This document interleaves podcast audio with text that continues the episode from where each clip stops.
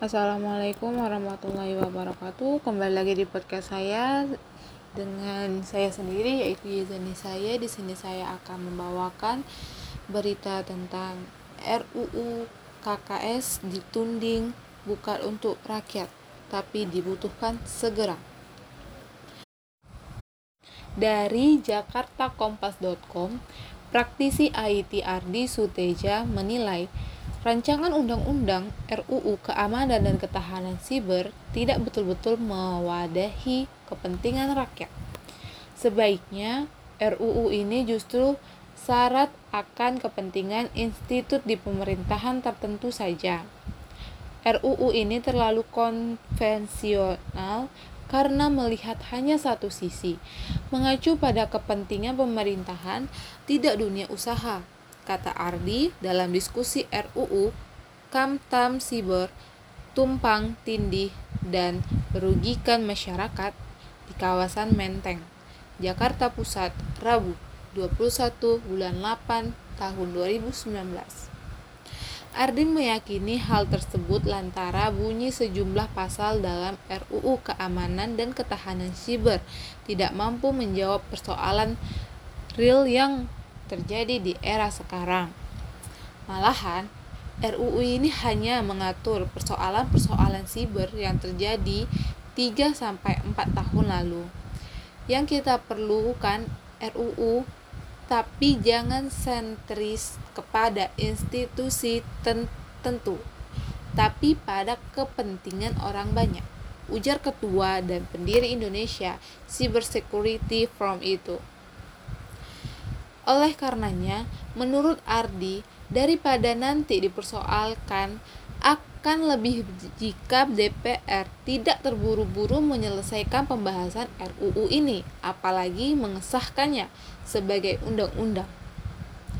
Hal sebaliknya disampaikan oleh Direktur Proteksi Pemerintahan Badan Siber dan Sandi Negara BSSN Ronald Tumpak.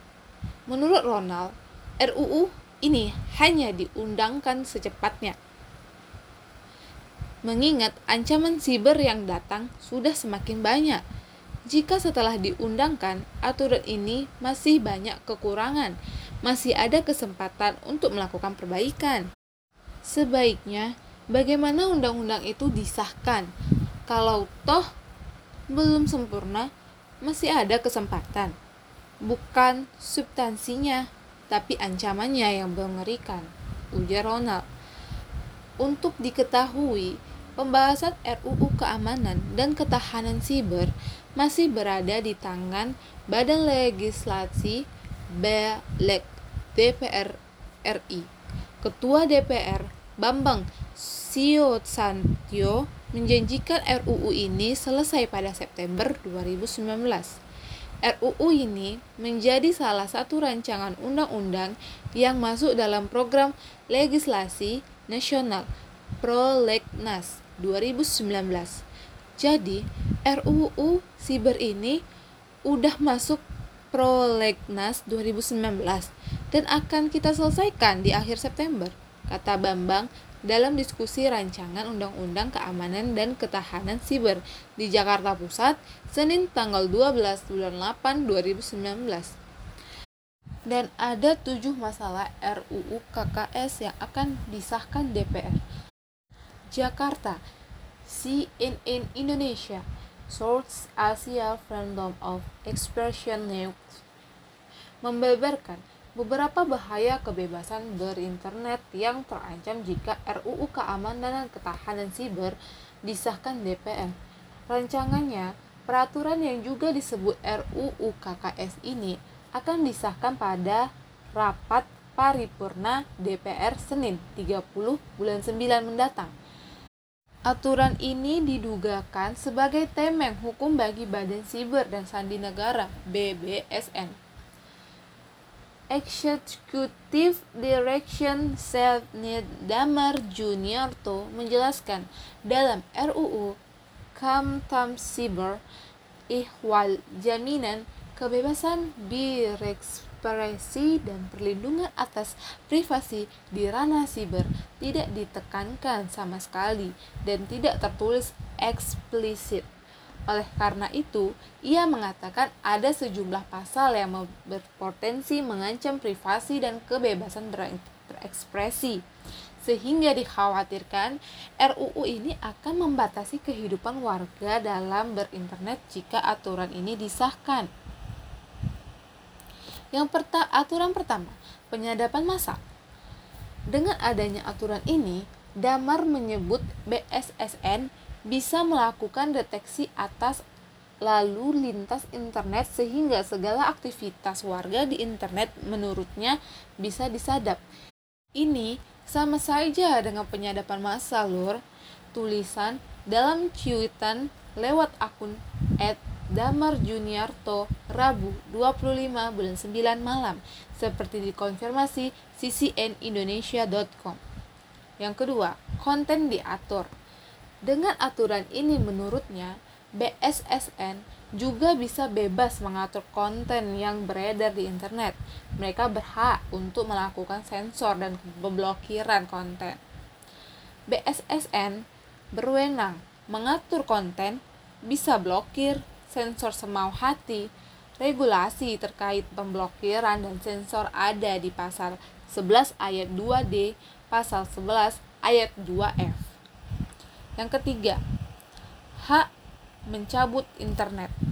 Dalam aturan ini, BSSN juga bisa bertindak untuk mencabut akses internet, sehingga hal ini menurutnya bisa mengancam privasi dan kebebasan berekspresi.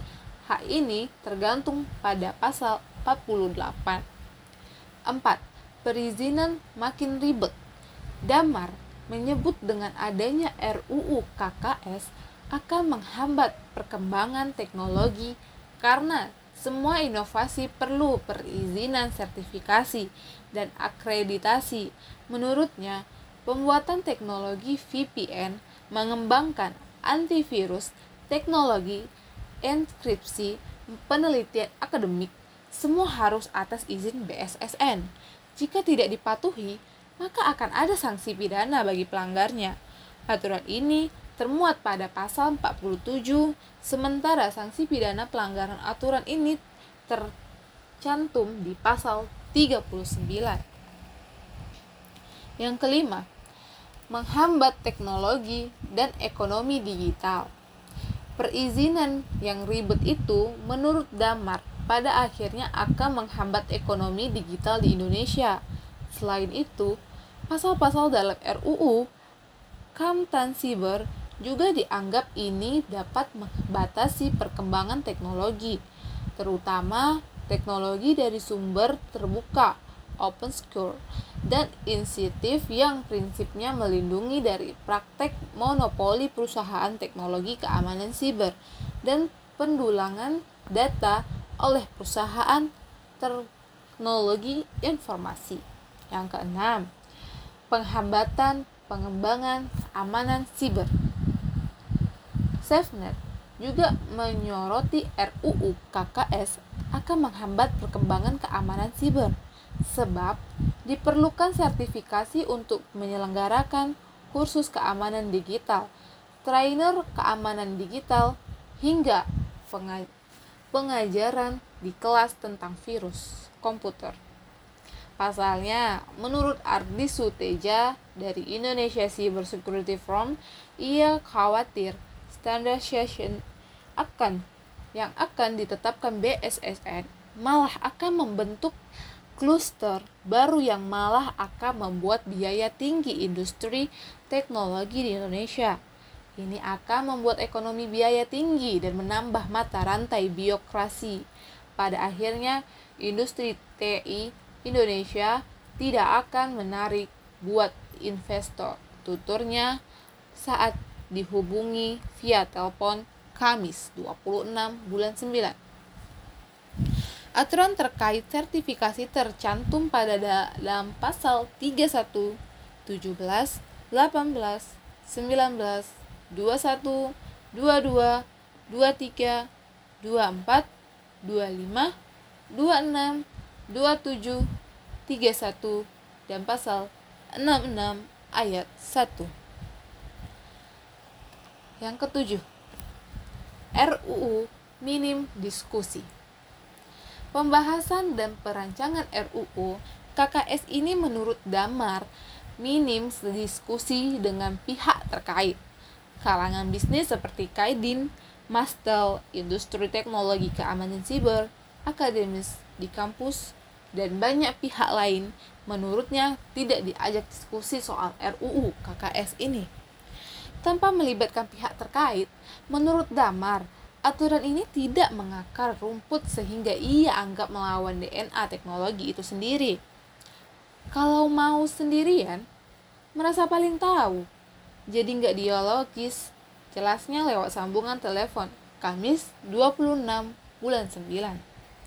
Padahal, sejatinya dunia siber sendiri dibangun oleh berbagai elemen, baik akademis, tentara, swasta, dan pemerintahan. Dihubungi terpisah, Komisi 1 DPR yang punya tugas di bidang pertahanan, luar negeri, komunikasi dan informatika, dan intelijen pun mengaku tidak dilibatkan dalam perancangan undang-undang ini. Hal ini diungkapkan anggota Komisi 1 DPR RI Jerry Sambuaga kepada ccnindonesia.com. RUU terkesan tidak melalui proses-proses yang seharusnya melibatkan komisi-komisi terkait. Seharusnya ini melibatkan dan memberitahu publik secara lebih masif. Padahal ini Kamtan Siber yang membidangi adalah kami di Komisi 1, kata Jerry dalam acara diskusi siber di Jakarta Pusat Rabu 21 bulan 8. Padahal menurut Jerry biasanya pembahasan undang-undang minimal memakan waktu 1 sampai 2 tahun sebelumnya. Ini terkesan sangat berburu-buru. JNP miring X. Baiklah, sekian yang saya bawakan tema untuk hari ini. Wabila taufik wa hidayah. Wassalamualaikum warahmatullahi wabarakatuh. Semoga bermanfaat.